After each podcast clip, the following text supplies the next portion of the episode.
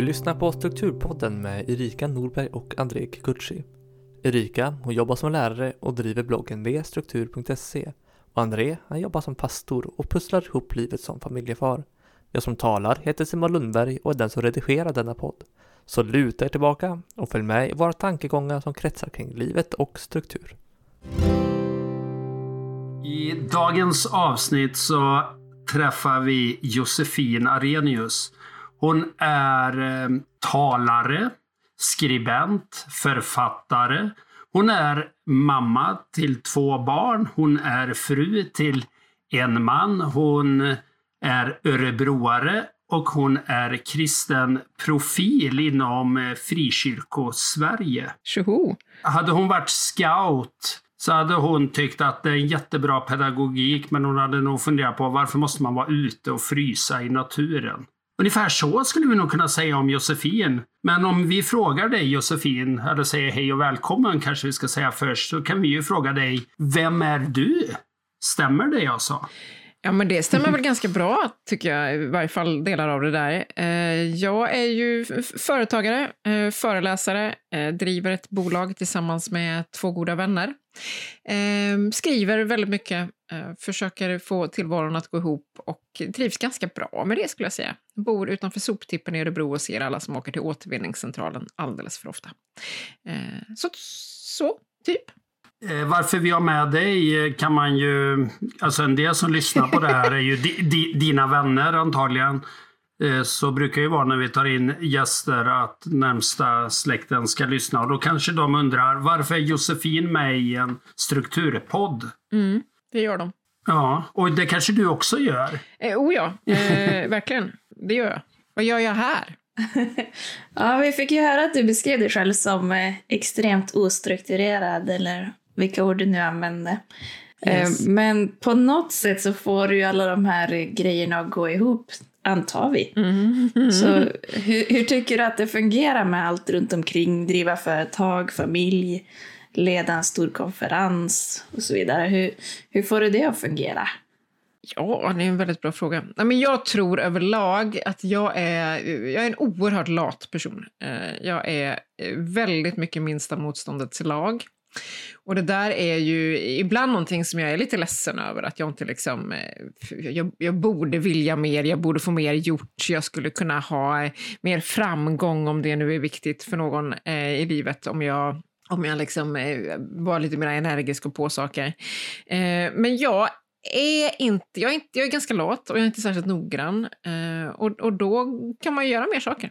Eh, jag har väldigt svårt för den här trenden i samhället att vi ska ha alla rätt på allting hela tiden. Jag lyssnade lite på något avsnitt ni hade gjort här med tre stycken ordningskonsulter som tog för givet att vi mår ju bra när det är ordning. Och det är någon slags liksom religiös sanning att vi som människor ska må bra när det är ordning. Och tänk att få hjälpa människor till ordning. Och jag tänker ja, eller skit i det bara så blir det också bra.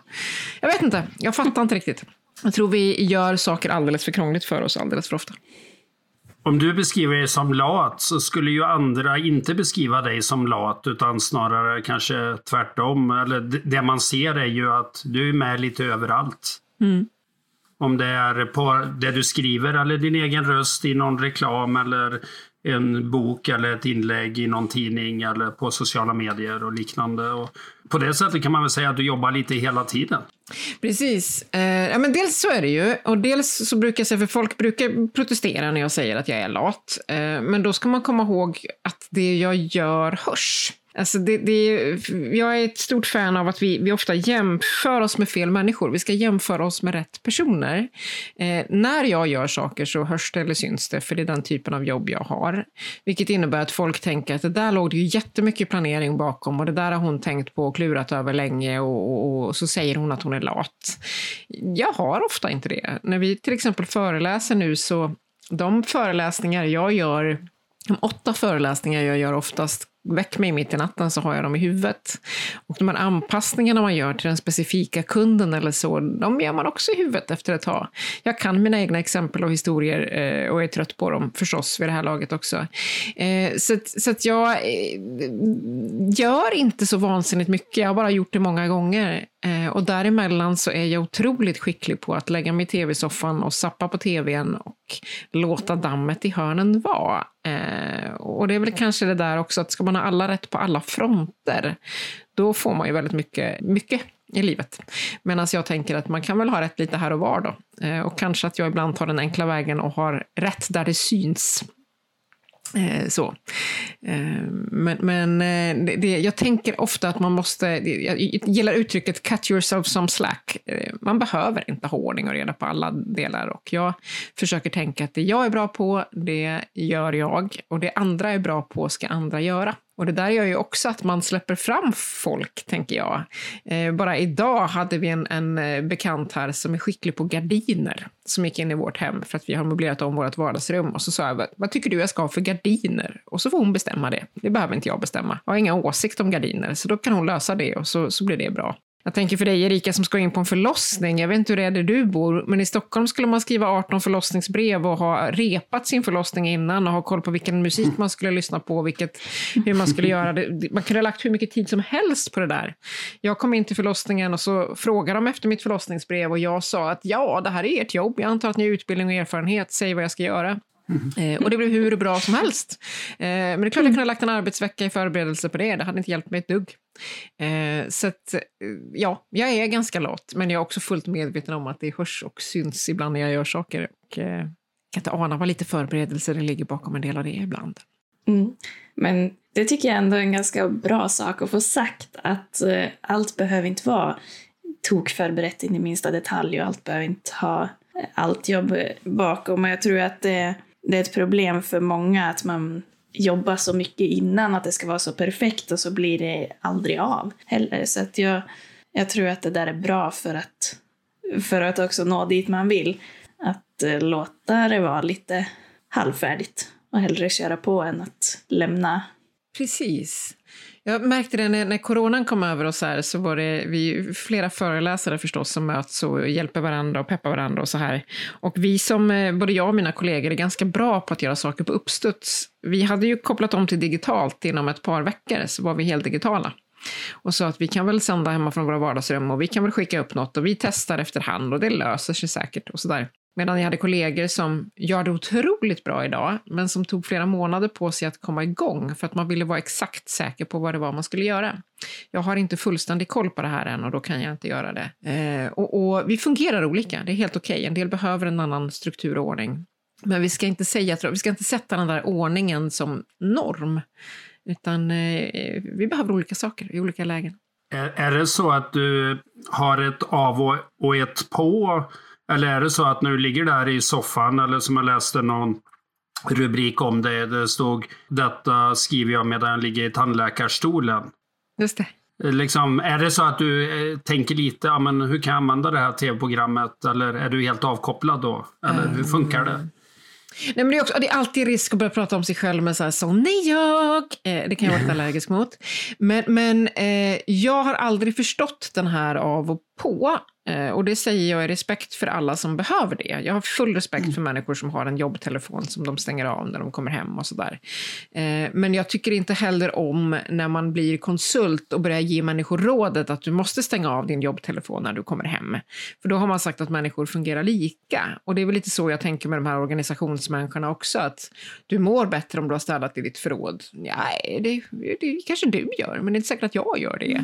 Mm. Eh, och, och att vi söker råd av av de som vi upplever är lite lika oss och har samma behov.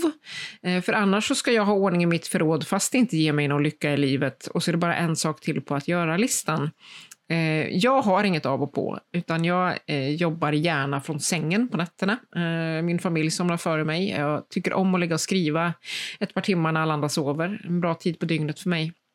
Jag har svårt att titta på tv-program eller annat utan att tänka i termer av sociologi eller vad händer här och vad gör folk. Mm. Eh, jag har väldigt lite behov av att koppla av den delen av min hjärna. Eh, däremot är jag ganska noggrann med när jag svarar i telefon till exempel. Jag, jag svarar inte i telefon mellan klockan fem och åtta, för då är jag med mina barn om det inte finns avtalade möten eller sådär. Och det handlar mera om att jag inte är så kommunikativ. Jag tycker inte att det är så roligt att, att, att, prata med folk.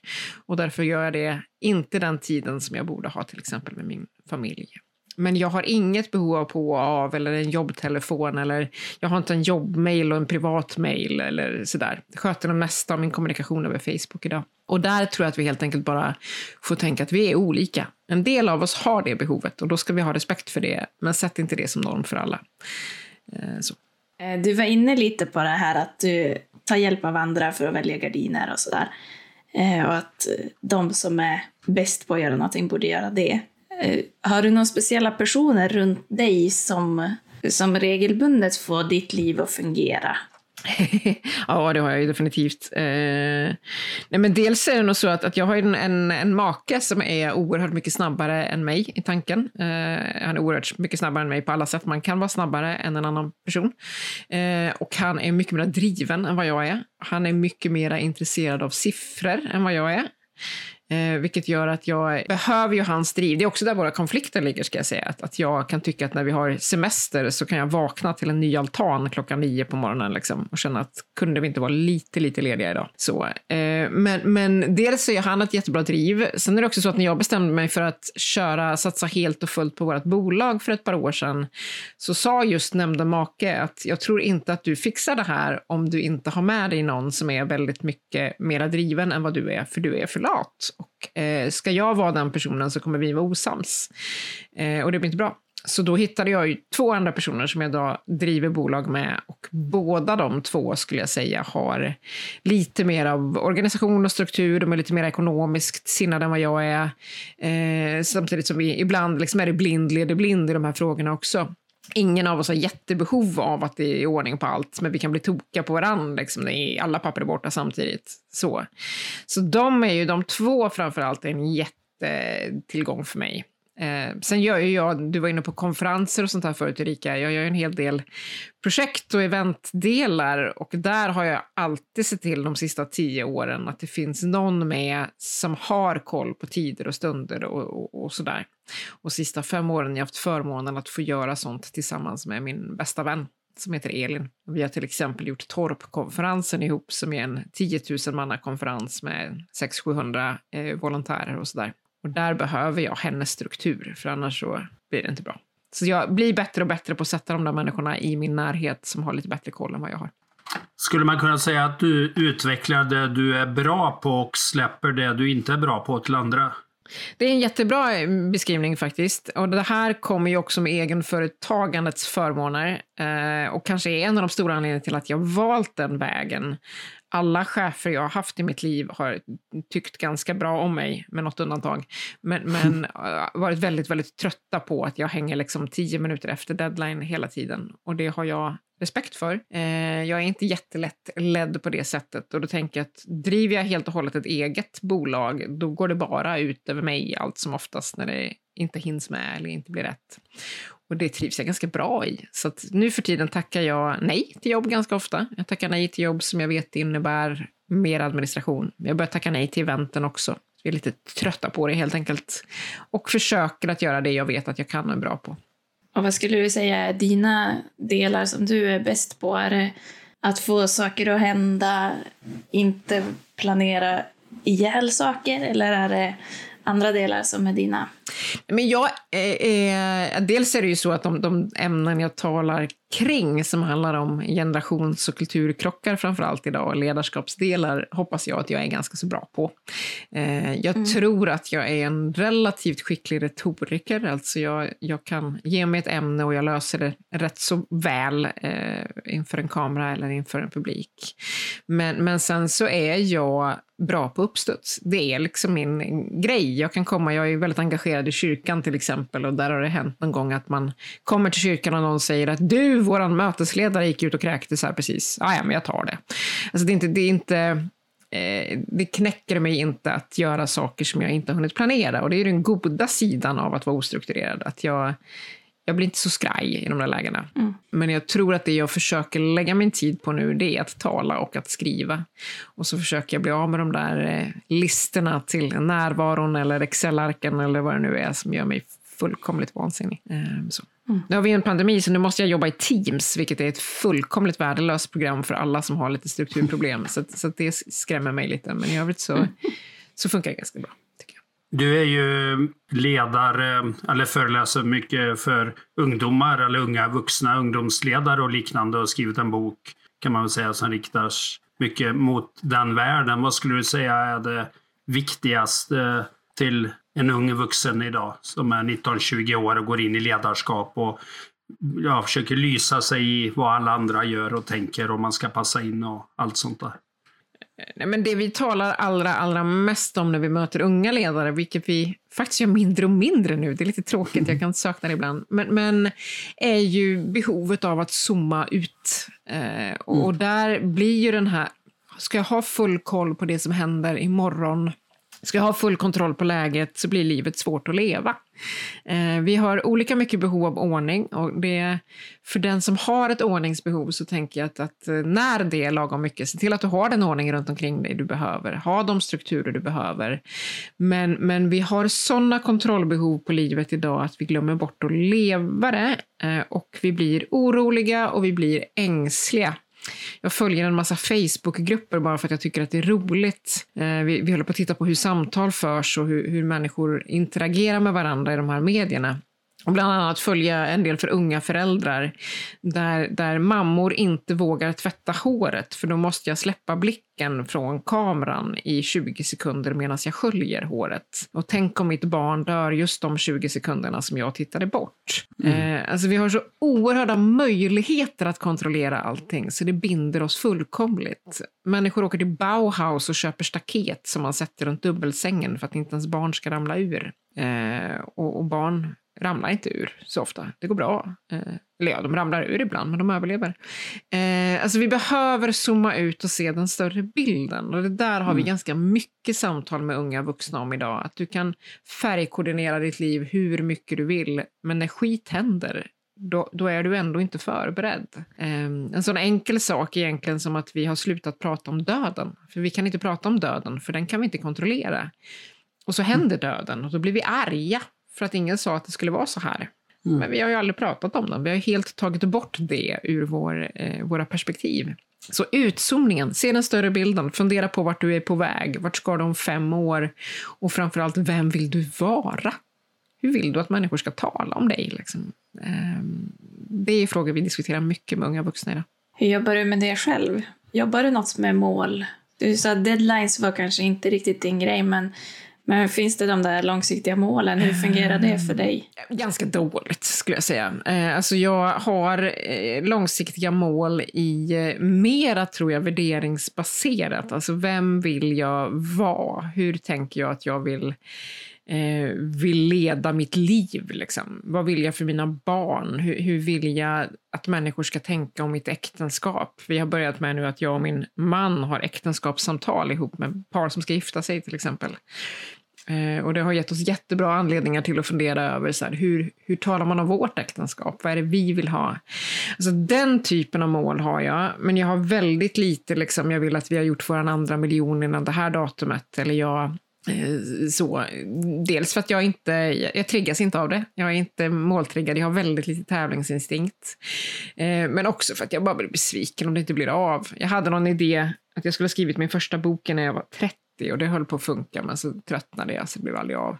Och det är klart att ibland kan jag önska mig själv lite mera driv och lite mera tävlings... Jag skulle kunna få mer gjort. Men, men eh, det skulle också kunna lägga press på mig som jag inte är så intresserad av. Eh, jag gör ganska mycket olika saker under en vanlig vecka och skulle jag lägga massa mål på det då tror jag att jag skulle riskera att bli stressad. Och det har jag ingen lust att vara. Mm. Eh, så Sen har jag, jag är väldigt duktig på dagdrömmar. Jag dagdrömmer enormt mycket och kan kasta mig ut i sådana världar. Och där kan nog målen ligga mer om att få färdigt den där romanen eller eh, få till det där, det där specifika talareventet som jag skulle vilja göra eller vad det nu är. Kände du att du ändå kom framåt och har ha ett meningsfullt liv ändå. Eh, trots att jag saknar struktur. Eh, jag, en, men jag tänker att vi, vi pratade lite om det för något avsnitt sen. Att att man kan sätta upp mål för att det inte ska bli bara fastna i samma vanliga rutin. Mm. Eh, att känna att man utvecklas Precis. på något sätt. Nej, men jag känner att jag har ett enormt meningsfullt liv och det kanske också handlar om det faktum att jag har funnit mening utanför mig själv. Eh, jag tycker att jag är ganska oviktig. Eh, jag älskar att vara en del av ett större sammanhang och för mig är det min kyrka, det är min tro, det är det jag får vara en del av att göra och där finns ju hela tiden saker som känns meningsfulla för mig. Eh, jag är förälder, att, att följa mina barn känns meningsfullt och jag är företagare vilket ju innebär att, att det finns inga gamla hjulspår. Liksom. Eh, som föreläsare möter jag dessutom olika branscher så gott som varje vecka. Den här veckan har jag mött värme och kyltekniker och lärt mig en massa om värmepumpar.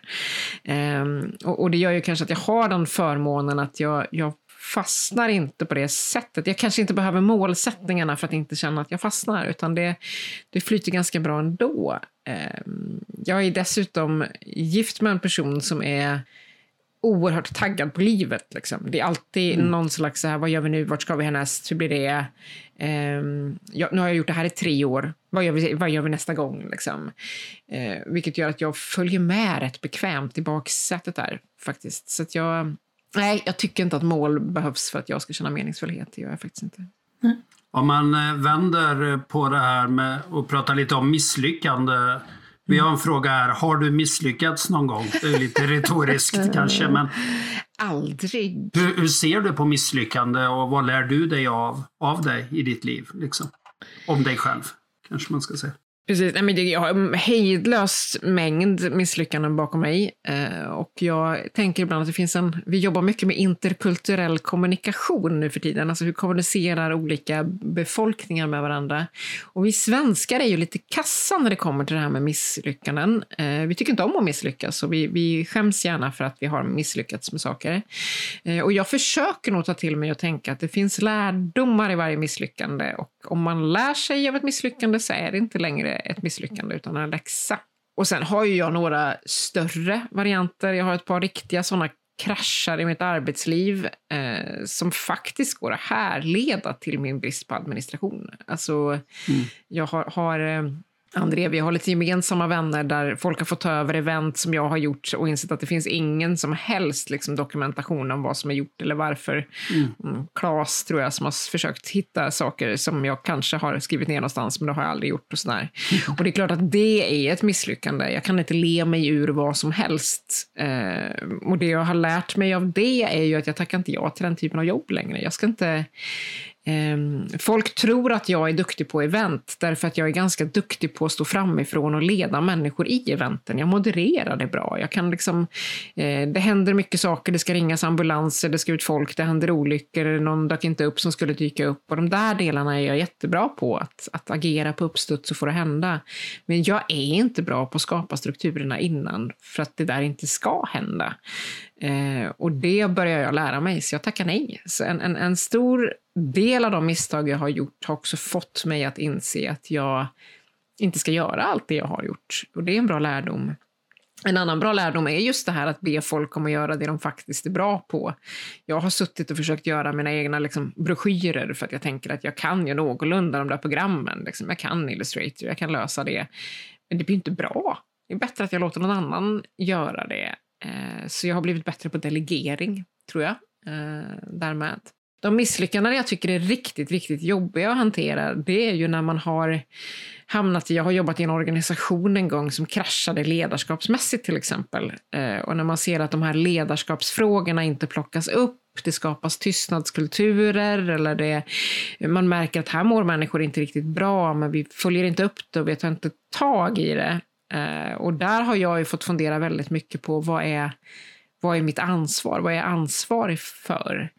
För när man jobbar i ideell värld, som jag har gjort en hel del, så är det lätt att man känner sig ansvarig även om man inte är ansvarig. Är jag inte chef så är jag inte heller ansvarig. Men man tar gärna på sig, eller jag tar gärna på mig, ett större ansvar än vad jag har för människors känslor och upplevelser och vad det nu är.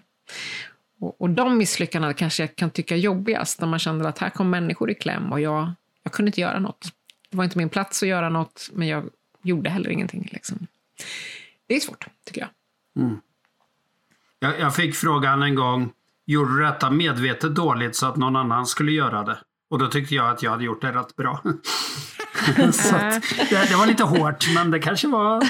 Men det, det, det, fick mig också att tänka att någon annan kanske ska göra de här sakerna som jag är mm. dålig på. Jag är ju lite inne på den linjen att inte bli lite bättre på mina dåliga sidor utan utveckla mina bra. Alltså inse jag kommer inte kunna spela gitarr och sjunga. Alltså jag ska inte sjunga med i psalmerna. Jag behöver inte ens försöka eller vad det nu är. Precis. Det är ett ganska enkelt exempel men det finns de som är bättre på det och då använder jag mig av dem. Liksom. Precis. Jag har gjort en sån faktiskt väldigt medvetet. Jag satt med i en festivalledning i många år där eh, det liksom ambulerade runt vem som skulle skriva protokollet. Eh, och det är det värsta jag vet, för jag får aldrig med liksom, rätt saker och det blir aldrig rätt beslut och så här. Så då bestämde jag mig för att jag skrev ner allt som sades under en möteshelg. Eh, och det protokollet är 18 sidor långt. Jag hittade det här nu för en annan grej vi skulle göra. Och det fick jag aldrig frågan om att göra igen och det var min mycket medvetna strategi. Eh, jag skrev ner vad folk hade på sig och vad de åt och vem som drog ett skämt när och hur det blev och så här. Eh, och till slut sa jag, jag orkar inte läsa de här protokollen så du får inte skriva mer. Och det var en stor seger för det var precis så jag hade tänkt. Men det är roliga protokoll att läsa i efterhand. Och det finns ju en del organisationer som har sådana protokoll, kanske inte så detaljerat, men där man skriver precis alla frågor som ställs och hur frågan ställs, bara för att man ska kunna gå tillbaka. Vem sa vad och hur lät det? Och då ser alla protokollet på väggen samtidigt medan det skrivs. Just det. det finns vissa fördelar, men då måste man vara bra på att skriva det. Och det var ju poängen här, att inte du skulle göra det, helt enkelt. Nej. Eh, men jag vill gå tillbaka lite till det där med, med ansvar. Jag känner också igen mig i det att, att som ideell arbetare ta på sig ganska, ganska mycket av ansvaret, i alla fall inombords. Jag kan ha läst, eh, jag kan ha läst utvärderingar efter läger och så, och nej, det var någon som inte tyckte det där var bra. Och jag var ju en av 30 ledare här, så det är mitt fel alltihop. Eh, men, men du kan jag tänka mig ha, ha lite ansvarskänsla över allt som du producerar och lämnar ut. Att du är rätt känd i media inom frikyrkovärlden och så. Hur, hur känner du kring ansvaret där? Ja, för det första ska man ju påminna sig om att det är en väldigt liten bubbla eh, och varje bubbla har behov av sina kända ansikten på något vis. Så är det ju och just den här bubblan har jag mm, fått möjlighet att skriva mycket i och röra mig i och sådär. Eh, och sen tänker jag att det ansvaret är för mig på, på blodigaste allvar. Eh, inte för att jag talar på någon konferens någonstans där folk ser mig så mycket, utan för att jag har, jag har ett 30-tal unga vuxna ledare i min egen församling som jag agerar bollplank åt på olika sätt. Eh, och det är ganska ofta jag ser de ansiktena framför mig och tänker att här är jag ansvarig.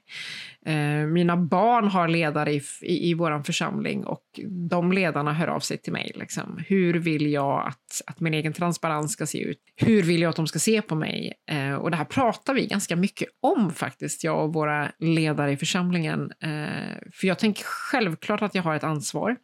Eh, och, och, dels så tänker jag, det är två delar jag funderar på det här. Det ena är vad människor ser av mig som man då tänker att man ska leva upp till på olika sätt. Eh, där jag kan vara ganska noggrann med, och då får vi komma ihåg att jag är väldigt, väldigt medveten om att den här plaskdammen är liten, så det finns liksom ingen myten om mig själv här, tror jag.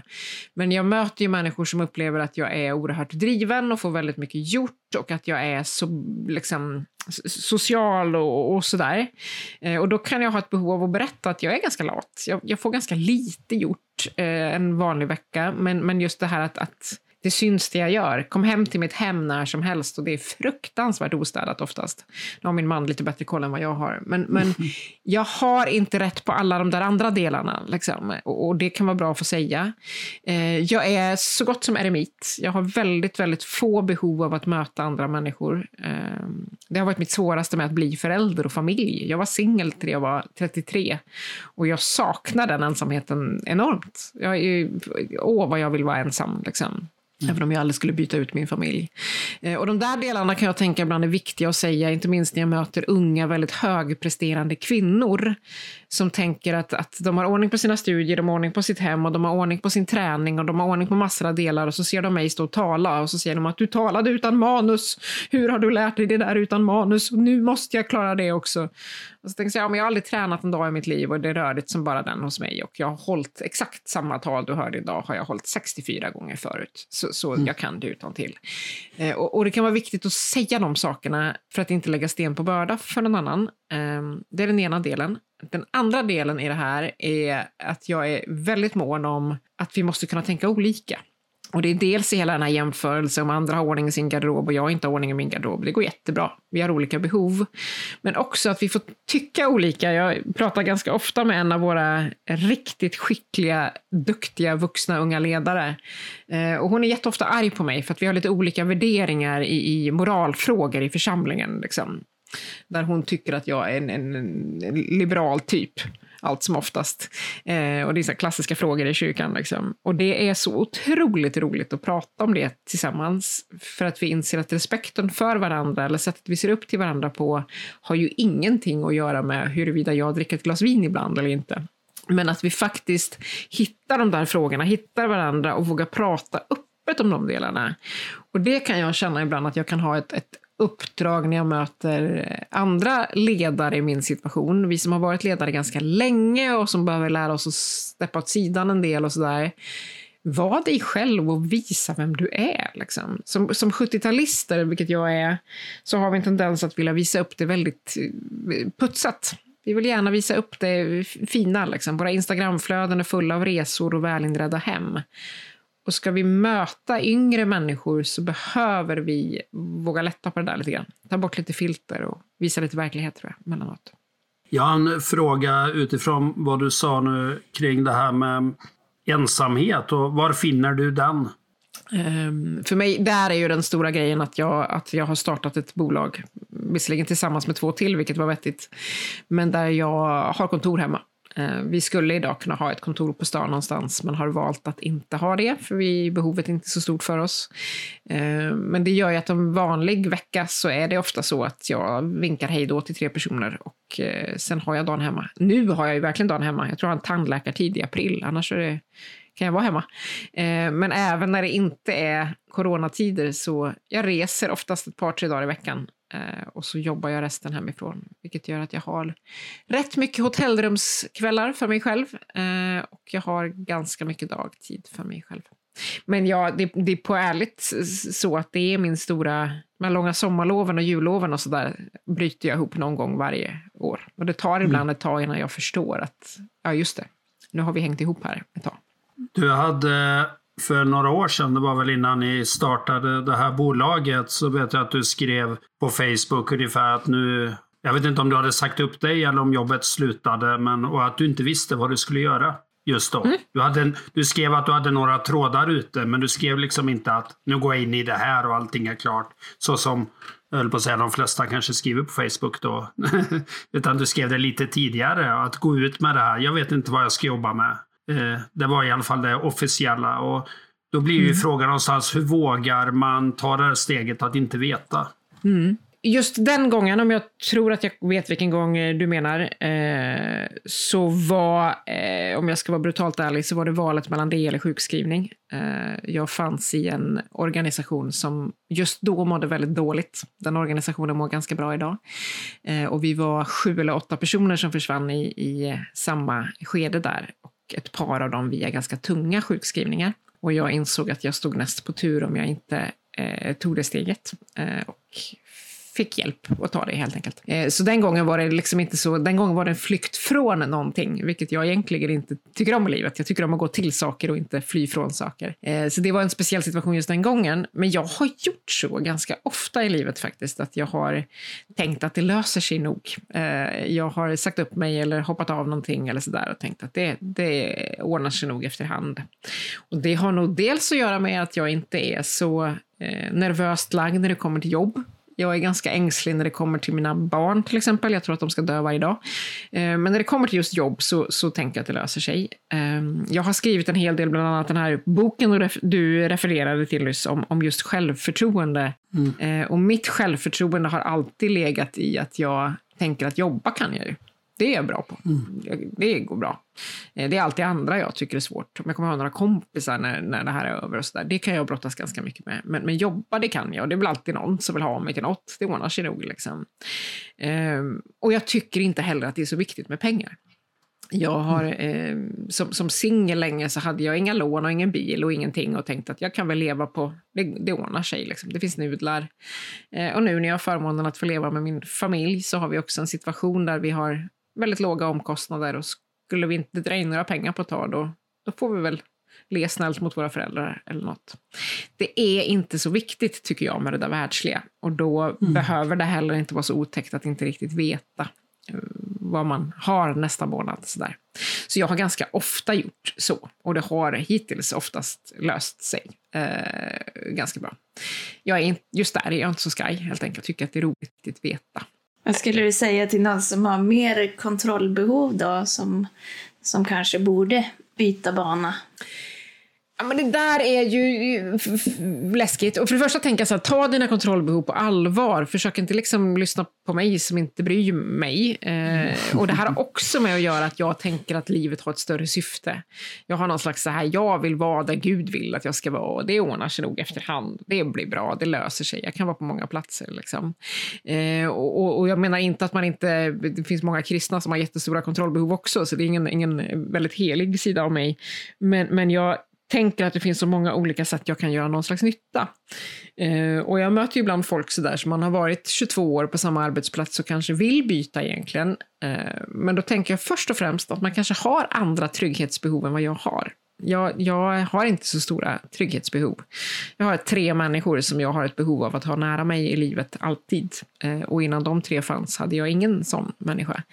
Eh, och i övrigt så tycker jag att det mesta löser sig. Eh, men har du kontrollbehov och, och, vill känna dig trygg, ja, men säg inte upp dig för du har fått ett nytt jobb då. Eh, men, men våga kasta dig ut lite grann. Våga testa att se vad som händer om du byter jobb. I den här situationen som du refererar till, Andreas, så insåg jag att jag Eh, man kan, man kan skaka för att man är nervös för någonting, man kan skaka för att man är, är, är rädd eller känner att var ska jag, ska jag någonstans?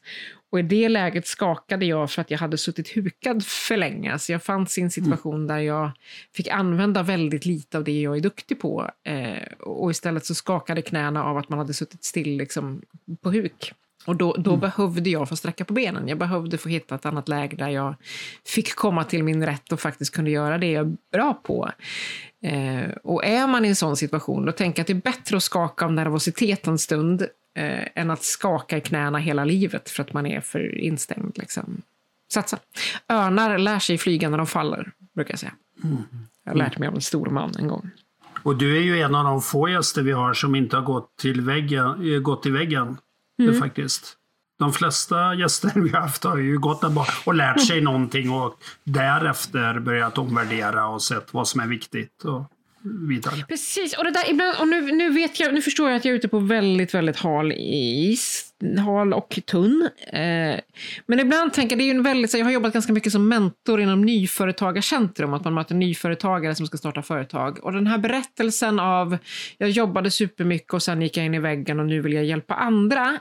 Den är ju jättevacker. Vi hör den jätteofta. Eh, men, men ett tag, för 12 år sedan så var, var, skulle alla starta massageinstitut, sen skulle alla starta djurken, eller så här, djurdagis, hunddagis. Och nu startar alla stresskonsulter. Alltså, eh, jag har gått i väggen och nu har jag lärt mig hur jag organiserar upp mitt liv och nu ska jag lära andra det. Eh, och jag tror att risken är dels att man tänker att den här medicinen är allas medicin. Eh, bara jag lär mig Eh, börja lära mig meditation och yoga. Eh, det finns alltid en ny sorts yoga som du inte har testat. Det kan vara upp och ner på en tunisisk bäver, men, men, men det finns alltid en tunis, liksom någon form av yoga du inte har testat än. Mm. Eh, och så tänker man att det är universallösningen för alla. Eller ordning i garderoben är universallösningen för alla. Eh, och så börjar man hitta någon slags så här, jag fick panik av att jag inte hade koll och nu har jag koll och nu ska jag lära alla andra att ha koll. Men är inte risken att man lär alla andra att ha panik? Um, mm jag förstår att de här konsulterna hjälper mycket människor, jag säger inte annat. Men ibland undrar jag om vi försöker eh, läka symptomen snarare än sjukdomen. Eh, vi skulle behöva backa några steg till och fundera på vad är det för samhälle vi lever i. För 40 mm. år sedan så byggde man lekparker gemensamt för bostadsområdet. Nu bygger varje familj sin egen pool det är klart som tusan vi blir stressade. Eh, och kanske mm. lösningen inte är hur jag färgkoordinerar alla sakerna till den här poolen, utan behöver jag poolen? Och, och jag tänker ibland att, att vi skulle behöva backa ett par steg och börja lite längre bak. Men då är det också sagt från en person som inte har så mycket behov av ordning. Och jag har all respekt för att vi är olika där. Men jag undrar ibland om vi inte håller på att fullkomligt kväva oss när vi ska ha liksom konsulter för allt. Vi kan inte ens städa våra egna hem längre. Mm. Så. Vi brukar varje avsnitt ha någon slags bra, bättre, bäst, mm. kallar vi den. Eh, att eh, du som gäst nu då får fundera på om det är någonting som, som du skulle vilja steppa upp på något vis. Att bra är kanske hur är nuläget? Något som är okej, okay, men som du skulle vilja förbättra. Bättre kanske är första steget på vägen och bäst är drömläget. Har du någon sån? Och det här gäller liksom inom samma område i livet då? Ja. Ja, men det är ju, för, för mig är den ganska eh, självklar faktiskt. Och det, I de lägen där jag talar emot mig själv lite grann, där jag kanske hyser en viss avundsjuka mot människors ordningssinne, så är det ju när det kommer till, till det här ordet jag inte ens kan uttala, det är pro, prokrastinering, heter det så? Pro, pro, ja. Pro, något sånt heter det. Att skjuta upp saker. Att skjuta upp saker. Alltså jag är, jag är bra på att, att eh, börja mina dagar med att skriva en att göra-lista. Liksom, det här behöver göras, det här ska jag göra idag. Eh, men jag behöver bli bättre på att faktiskt göra det jag skriver upp att jag ska göra. Eh, det är rätt mycket av det som jag inte tycker är så kul på den där listan som är kvar när dagen är slut ibland. Eh, och, och det bästa vore ju om jag kunde faktiskt få till att göra det jag säger att jag ska göra. Jag tänker ibland på det här året som vi är, är mitt i just nu, där jag har mycket mindre föreläsarjobb än vad jag annars har.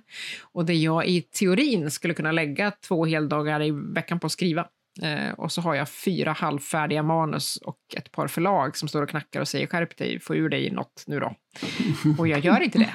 Och det är klart att där kan jag ibland tänka att jag kommer på min ålders höst banna mig själv för att jag var så korkad och lat. Eh, så, så om jag fick önska mig någonting så är det väl att bli bättre på att faktiskt göra saker i tid och att använda min tid klokt. Eh, men jag har mött sådana där time management-konsulter, de ger mig utslag, så jag, jag, jag, vet inte riktigt hur man skulle hitta liksom, eh, rätt i det heller faktiskt. Jag vet inte vad min strategi skulle vara för att lyckas. Jag tror att eh, den skulle vara lustbetonad. Mm -hmm. Att du säger idag, men idag vill jag skriva klart den där boken. Precis, och då ska den lusten infinna sig. Ja. Och det gör den väldigt sällan. Um, men den så. gör det någon gång. ja, men det gör den ju. När jag skrev mitt första manus så, så jobbade jag en del tillsammans med en man som har skrivit en bok om konsten att vara snäll. Och han är den elakaste mannen jag känner, tror jag. Eh, oerhört sträng man. Och han, han eh, fick höra att jag hade ett förlag som hade signat upp ett kontrakt med mig eh, för en bok då. Och då sa han, tittade han mig djupt i ögonen och så sa han, är du helt dum i huvudet? Vet du hur många människor det är som önskar att de hade ett förlagskontrakt? Nu skriver du 30 000 tecken per dag och jag kommer höra av mig två gånger om dagen och se till att det blir gjort. Eh, och det gjorde han under en vecka. Jag tog semester en vecka och så hörde han av sig vid lunch varje dag och på kvällen varje dag och så sa han, bra, nu kan du gå och dricka kaffe. Eller bra, nu kan du gå och dricka vin. Jag tycker du ska dricka vin. Det var så. Och så skrev jag 30 000 tecken om dagen i en vecka och så var det där manuset färdigt. Eh, men, men då behövs det nog en person jag har väldigt respekt för, annars blir jag bara arg. Jag är lite barnslig på det viset. vi har i varje avsnitt, eller de flesta avsnitt i alla fall, något som vi kallar för eh, veckans prova på. Det kommer ju ett nytt avsnitt eh, varannan måndag, så man har två veckor på sig kan man väl säga.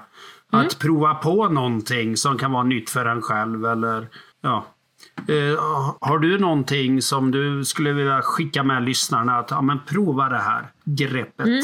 Ja, men jag har två grejer som jag tycker är viktiga. Det ena är att jag skulle vilja uppmuntra människor att prova på begreppet fulslappa. Eh, det är mitt favoritbegrepp. Det här hade man inte behövt säga till människan för 15 år sedan, men nu behöver vi säga det. Eh, lägg dig i soffan, eh, ta med dig en påse chips, häll inte upp chipsen i en skål, utan ät direkt ur chipspåsen. Lägg dig på det sättet att du får chips på bröstet när du äter, hur du än bär dig åt. Liksom. Och så sappar du på vanlig liksom, tablå-tv utan att bestämma dig för något du vill se. Och så gör du det i 20 minuter. Eh, det funkar för många av oss bättre än att sätta oss sju minuter på någon matta med benen i kors och tänka på ingenting. Eh, för det gör vi lite för mycket av. Försök att bara rensa skallen, fulslappa, gör något som är helt Instagram-ovärdigt oftare än du gör det idag. Eh, jag gjorde en intervju för någon, någon tidning inom Svenska kyrkan om det där för något år sedan. Eh, och folk hörde av sig, hörde av sig helt skärrade. Som, får man göra så? Eh, ja, man får det. Man får fulslappa. Det är det ena. Och det andra, mitt enda, mitt enda strukturprova på jag kan skicka med, som faktiskt fungerar ganska väl i mitt liv, är att jag försöker ta mig tio minuter varje dag mellan mitt privatliv och mitt professionella liv. Alltså när jag har lämnat av på skolan eller när jag har vinkat av i dörren eller hur min dag nu ser ut. Att fundera igenom, dels så försöker jag be en stund, för så funkar jag. Eh, jag försöker läsa någonting som jag vet kan uppmuntra mig och jag försöker hitta två eller tre personer som jag kan skicka ett sms till. Mm. Eh, av bara liksom, tja, jag tänkte på dig på morgonen, jag är glad för att du gör det här. Eller du, jag läste den här grejen du har skrivit, skitbra, eh, fortsätt med det. Eller vad det nu är. För det skickar in mig i en lunk av att vara en uppmuntrande människa som jag har behövt för att faktiskt bli bättre på det jag håller på med. Bra. Vad ska det vara för chips då? Ja, det är ingenting med lök eller grillkrydda. Ja, för då luktar det ju resten av dagen. Så något så här ja. pepparchips eller något.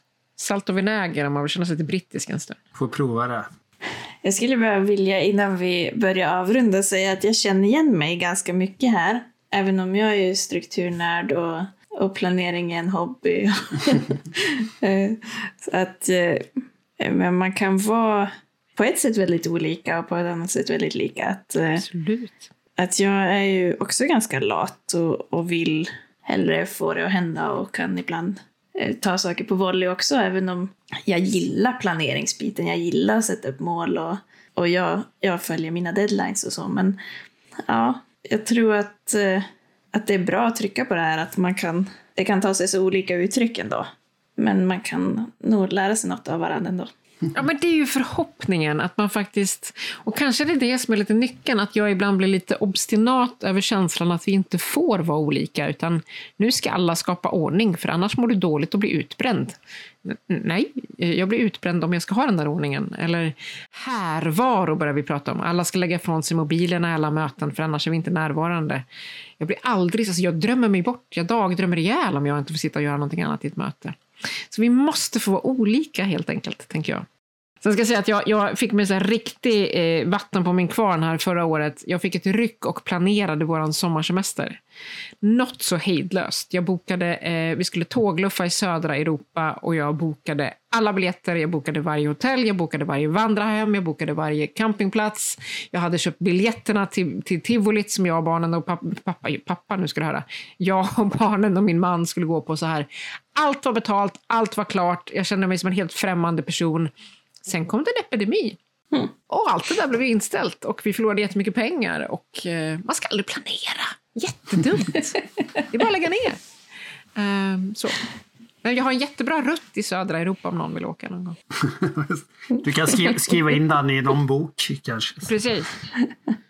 Och, om man vill veta mer om dig eller kanske anlita företag eller läsa mer om dig, var får man tag på dig? Ja, mig får man ju enklast tag i om man vill ha något icke-strukturerat på, på wearemountain.se. Vi är berg. Inte ens vårt företagsnamn är grammatiskt korrekt. Ni hör ju. eh, wearemountain.se, eh, där hittar man mig och mina kollegor. Och, eh, kan du säga något om eh, vad man anlitar er för då? Ja, vad anlitar man oss för? Vi gör, våran, våran nisch, det som vi gör allra mest och det vi tycker är roligast, är att vi jobbar med generations och kulturkrockar i organisationer. Och det innebär att vi möter ganska mycket regioner, ganska mycket kommuner, rätt mycket vårdpersonal till exempel. Eh, och rätt mycket företag också på olika nivåer och på olika storlekar för att prata om när generationer krockar med varandra Alltså när vi inte riktigt förstår varandra. Och här ligger till exempel kontrollbehoven hos de som är mellan 20 och 30 ganska högt upp på vår agenda. Men vi jobbar också med multinationella företag. Tänk eh, Bombardier och Westinghouse och ABB och den typen av företag där man kanske har en kollega i Portugal och sin chef i Singapore och så ska man försöka få ihop det där på något sätt. Så där är vi. Spännande. Oftast. Mm. Och eh, ett, eh, ja, vad ska man säga, citat, men någonting som du sa på en föreläsning för, det är rätt många år sedan nu, men när vi möttes, jag kommer inte ihåg ens vart det var nu, men det var i något jobbsammanhang. Och då eh, berättade du att eh, dag två eller tre, det var en sån där konferens med övernattning. Då sa du så här, nu har jag lyssnat på er här och det som slår mig är att alla säger vad ni inte är bra på istället för att säga vad ni är bra på. Och det tycker jag summerar ganska mycket det här samtalet. Att vi får eh, liksom fokusera på vad är det vi kan och hur utvecklar vi det och hur kan vi det vi inte kan får vi lämna till andra och inte grotta oss ner i allt för mycket kanske. Det låter vist. Om det var jag som sa det så är det fantastiskt. Ja, du kanske hade snott det. Mycket möjligt, det vet man ju inte. Det är ju en del av jobbet att sno saker. Men, Precis. Ja, är det något mer som du skulle vilja tillägga i det här ostrukturerade samtalet? Men härligt, hur känns det för er? Kan ni vara så här ostrukturerade eller får ni lite panik båda två? Eller hur går det? Det går jättebra. Ja, vi har nog haft ännu mindre struktur i vissa avsnitt. Jag tänker nog så här att det vi behöver komma ihåg är det är inte bättre eller sämre att vara mer eller mindre strukturerad. Jag är ibland lite rädd att vi går och är lite avundsjuka på varandra och lite rädda för varandra. Jag kan känna en avundsjuka och en, en, en eh, jag känner mig ofta som ett barn i relation till organiserade människor som klappar mig på huvudet och säger men det är ju bara att du. Eh, och jag brukar kontra med att säga men det är ju bara att du tar den här föreläsningen jag har för 300 pers imorgon. Så. Eh, och, och, det kanske är ungefär samma rädslor vi har inför de här delarna. Jag är duktig på att hoppa på uppstuds och göra saker snabbt och, och, ibland får jag människors respekt för att man tycker att jag är så modig för att jag gör de där sakerna. Jag är inte modig, det bara råkar vara det jag tycker är roligt. Eh, jag är inte modigare än den som är duktig på, på kontoplanen på en, en stor budget, liksom, eh, vilket ger mig utslag bara jag börjar tänka på det. Så låt dem oss vara duktiga på olika saker. Låt dem oss minnas att mm. mod är olika saker för olika människor. Och så får vi försöka hjälpa varandra på vägen helt enkelt. Klokt! Bra avslutning får jag säga. Jag vet inte om jag kan summera detta. Jag tror inte jag gör det faktiskt. Ibland gör vi det, men det blir så. Säga samma sak igen. Ja, men det vi kan säga är i alla fall att eh, vi har två veckans prova på fulslappa och eller ta tio minuter mellan privatliv och professionellt liv. Det låter ju superklokt. Mm. Ja, du är kanske klok ändå. Kanske i varje fall.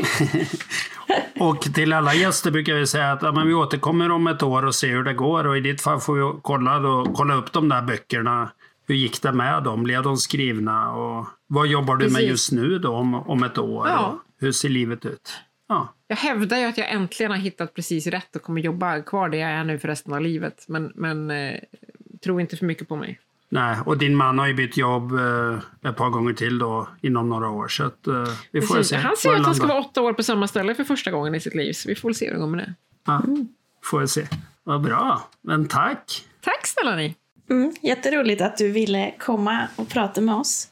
Och eh, tack till alla som har lyssnat. Och tack till Simon Lundberg som klipper ihop det här.